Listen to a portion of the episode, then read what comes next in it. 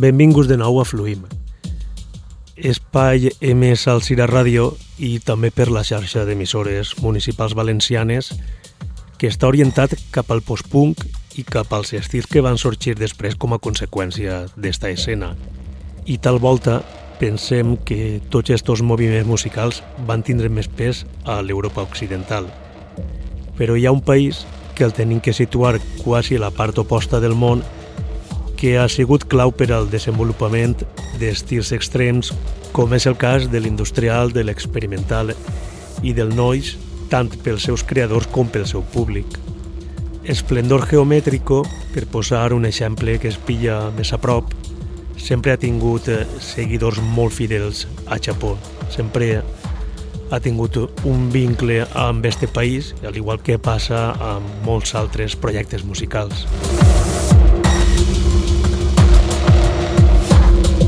El programa d'avui, com bé podreu intuir, està dedicat a l'escena japonesa.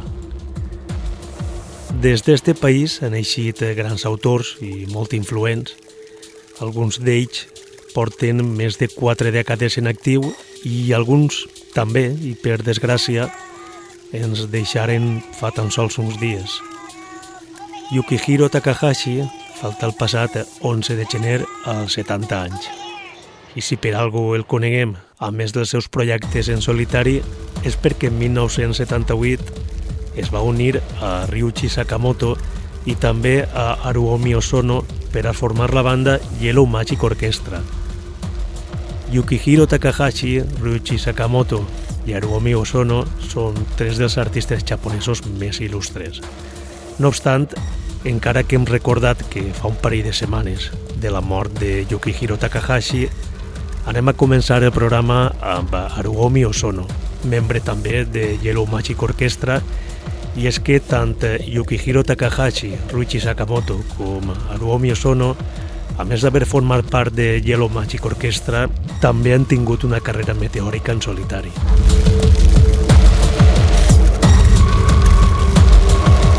Haruomi Osono té ara mateix 75 anys i està considerat un dels músics més influents del pop japonès, a qui a més se li atribueix la configuració d'este so durant dècades i d'estils com el pop urbà i el Shibuya Kei.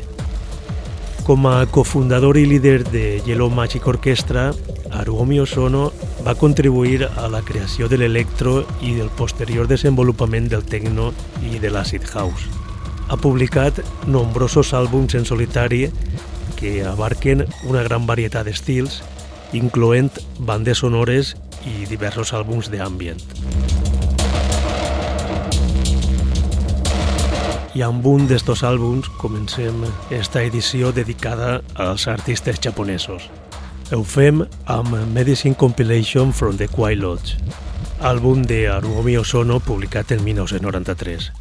I d'ell escoltem Quiet Lodge.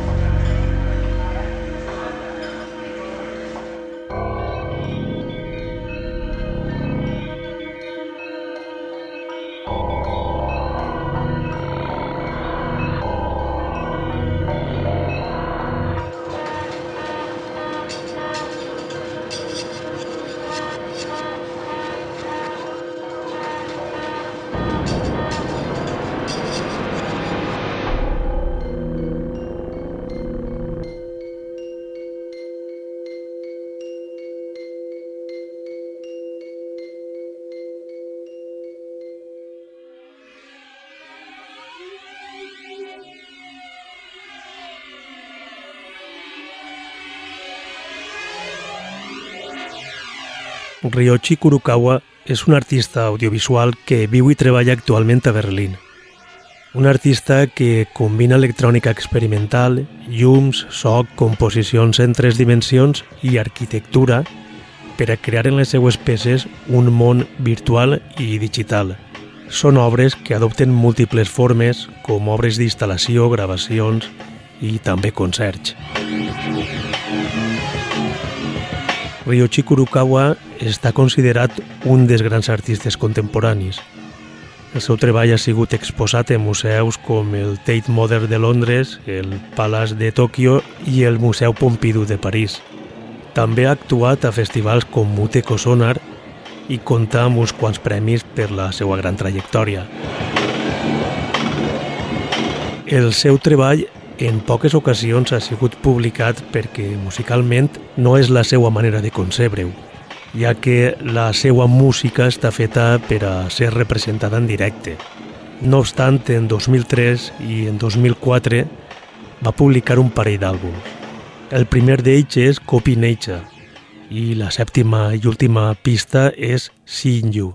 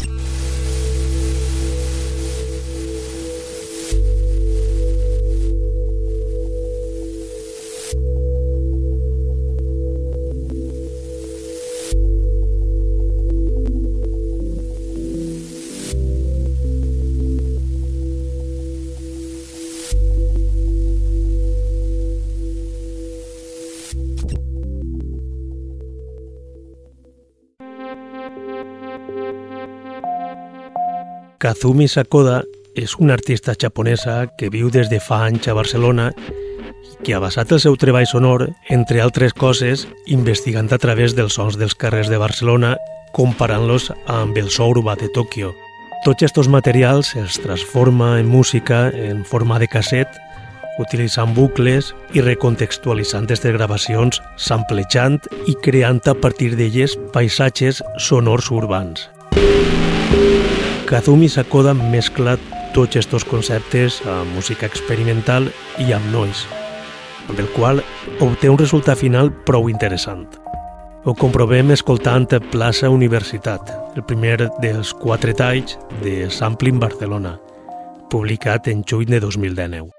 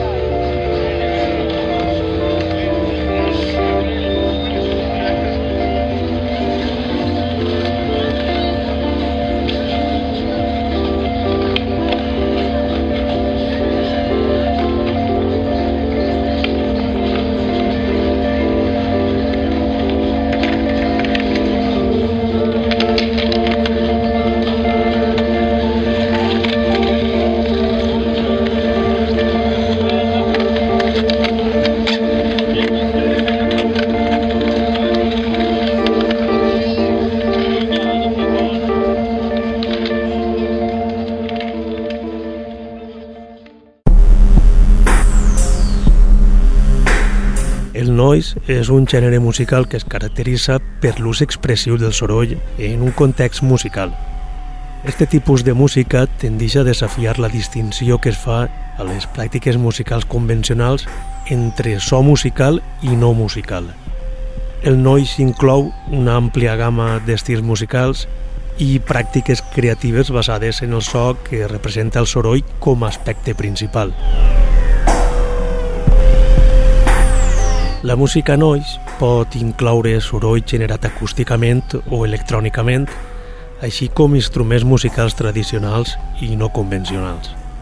Es pot incorporar sons de màquines en directe, tècniques vocals no musicals, mitjans d'àudio manipulats físicament, gravacions sonores processades, gravacions de camp, soroll generat per ordinador, processos estocàstics i altres senyals electròniques produïdes aleatòriament com la distorsió, realimentació o també l'estàtica.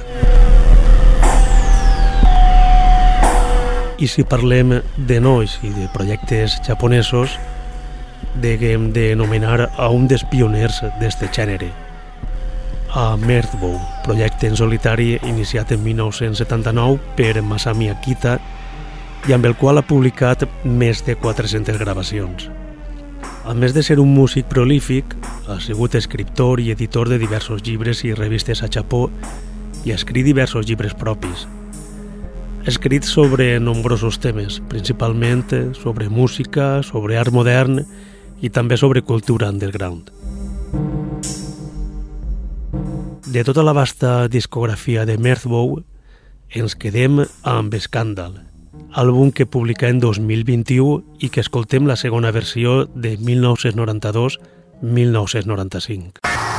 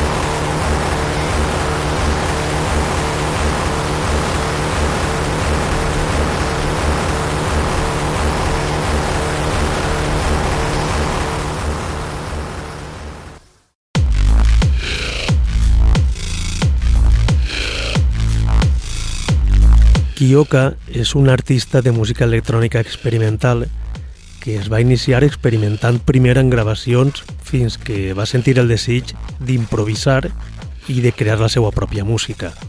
I en 2008 publicà el seu primer àlbum a la discogràfica alemanya Ompa fins que uns anys després, en 2012, va aconseguir formar part del catàleg de Raster Noton, un dels principals setxells de música experimental que en aquells anys encara estava dirigit per Alba Noto, per Olaf Bender i per Frank Bresneider. Amb esta associació amb Raster Noton, Kioka va publicar un parell de senzills i l'àlbum Is Is Superpowered en 2014. Is Is Superpowered és un conjunt de pistes que passa del pop electrònic suau a un tecno industrial delicat. Rolling Ensembling és el cinquè tall d'este àlbum.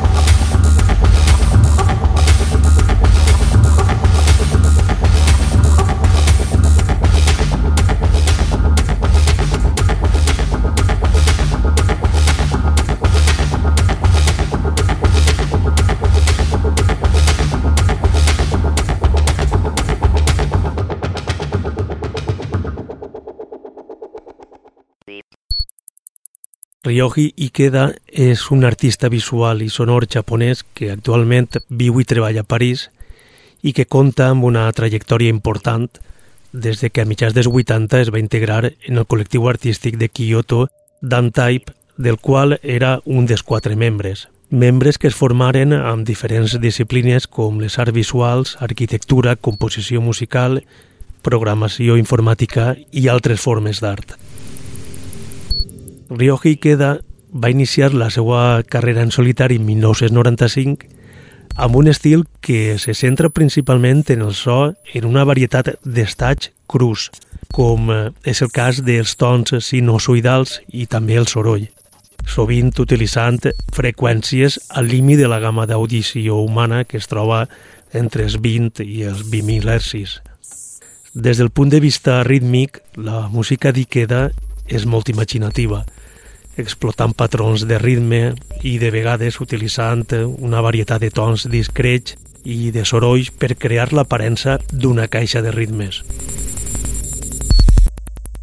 La seva obra també envaeix el món de la música ambiental i minúscula i moltes pistes dels seus àlbums s'ocupen de paisatges sonors que evolucionen lentament, amb poc o cap sentit del pols. A més de treballar en solitari, també ha col·laborat, entre d'altres, amb Carsten Nicolai, Alba Noto, tal i com l'he anomenat abans. De fet, Noton, que és ara com opera el Setxell, ja que Raster Noton es va separar fa uns pocs anys, per una part a queda Raster i per l'altra a queda Noton, és la discogràfica on Ryoji queda publica el passat any Ultrasonics, àlbum amb un so experimental prou diversificat. Escoltem la pista 8 de Ultrasonics.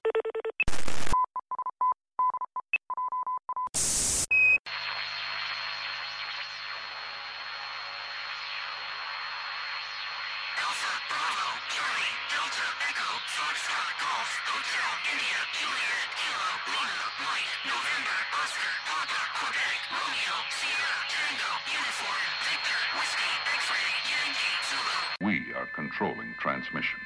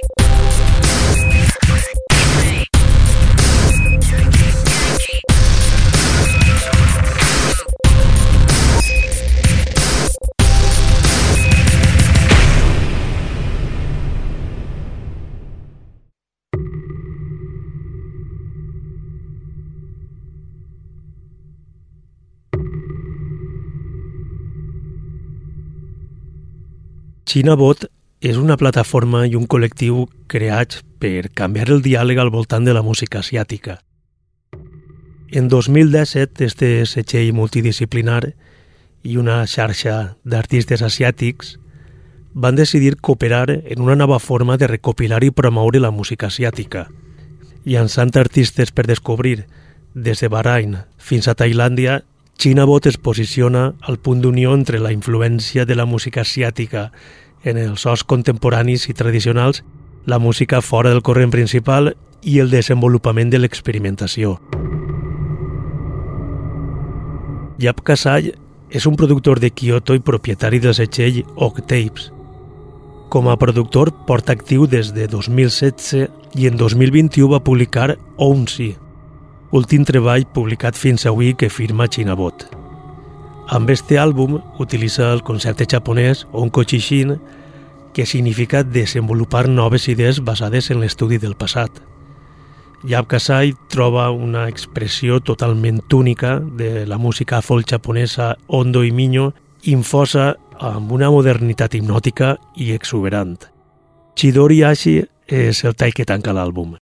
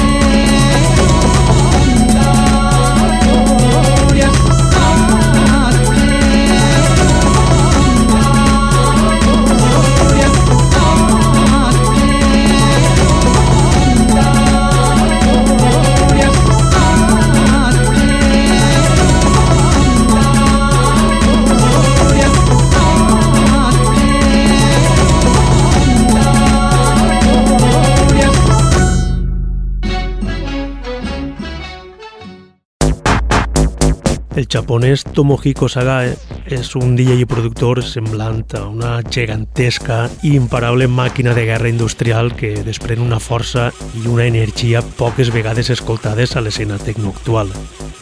La seva música és fosca, perillosa, premonitòria i absolutament sense concessions. Els seus primers treballs es va publicar en 2012 i la seva obra ha estat editada per grans discogràfiques. Una d'elles és la neerlandesa Strange Therapy.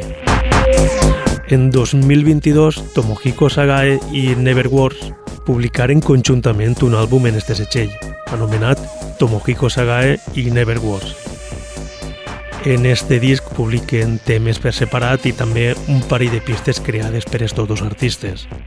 Cold as Ice 2 és un destatge de Tomohiko Sagae.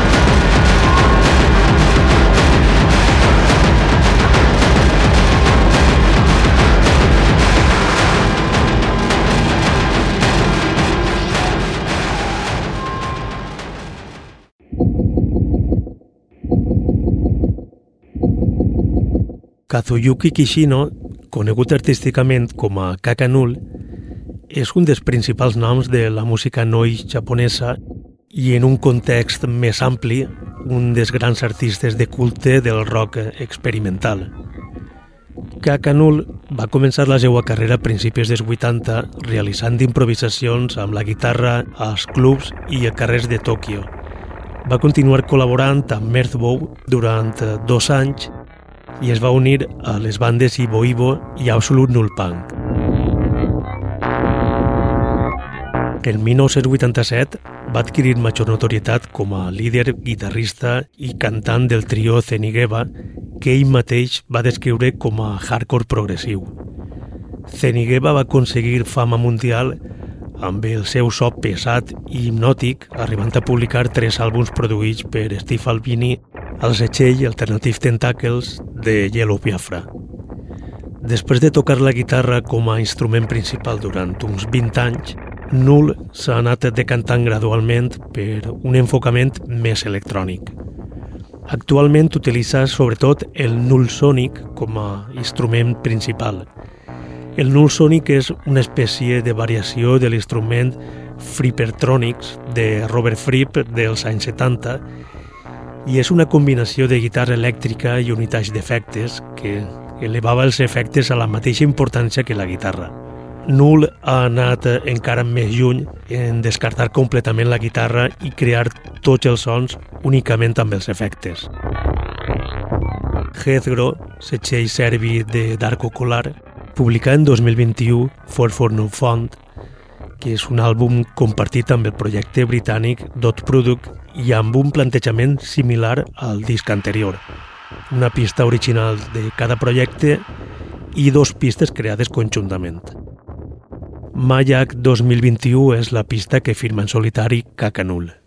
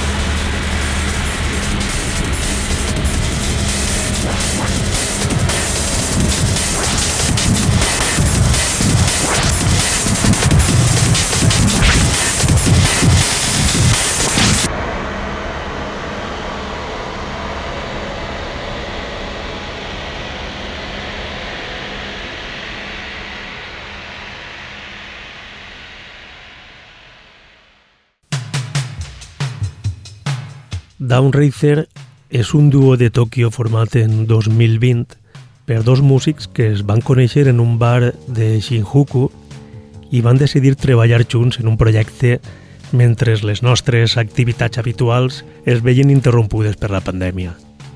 Individualment, la música de Downracer és molt diferent, però descobriren algunes influències comuns poc probables com Vangelis, el gòtic i les bandes sonores de jocs d'ordinador i este projecte va néixer com una forma de rendir homenatge a tot això sense ser música retro o música nostàlgica. Downracer publicà en 2020 dos senzills i un àlbum. I més recent, el 7 de gener de 2023, llançaren Internet Famous, un EP de quatre talls amb el qual acomiadem esta edició de Fluim dedicada a artistes japonesos i ho fem en la pista homònima. Fins la setmana que ve. Vos espere en una nova edició de Fluim.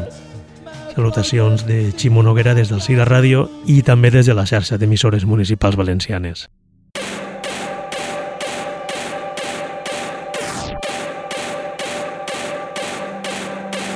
Did you do something you might regret? Compulsive action? A hidden threat? Did you do something that people liked? Too late to stop now. No time to cry.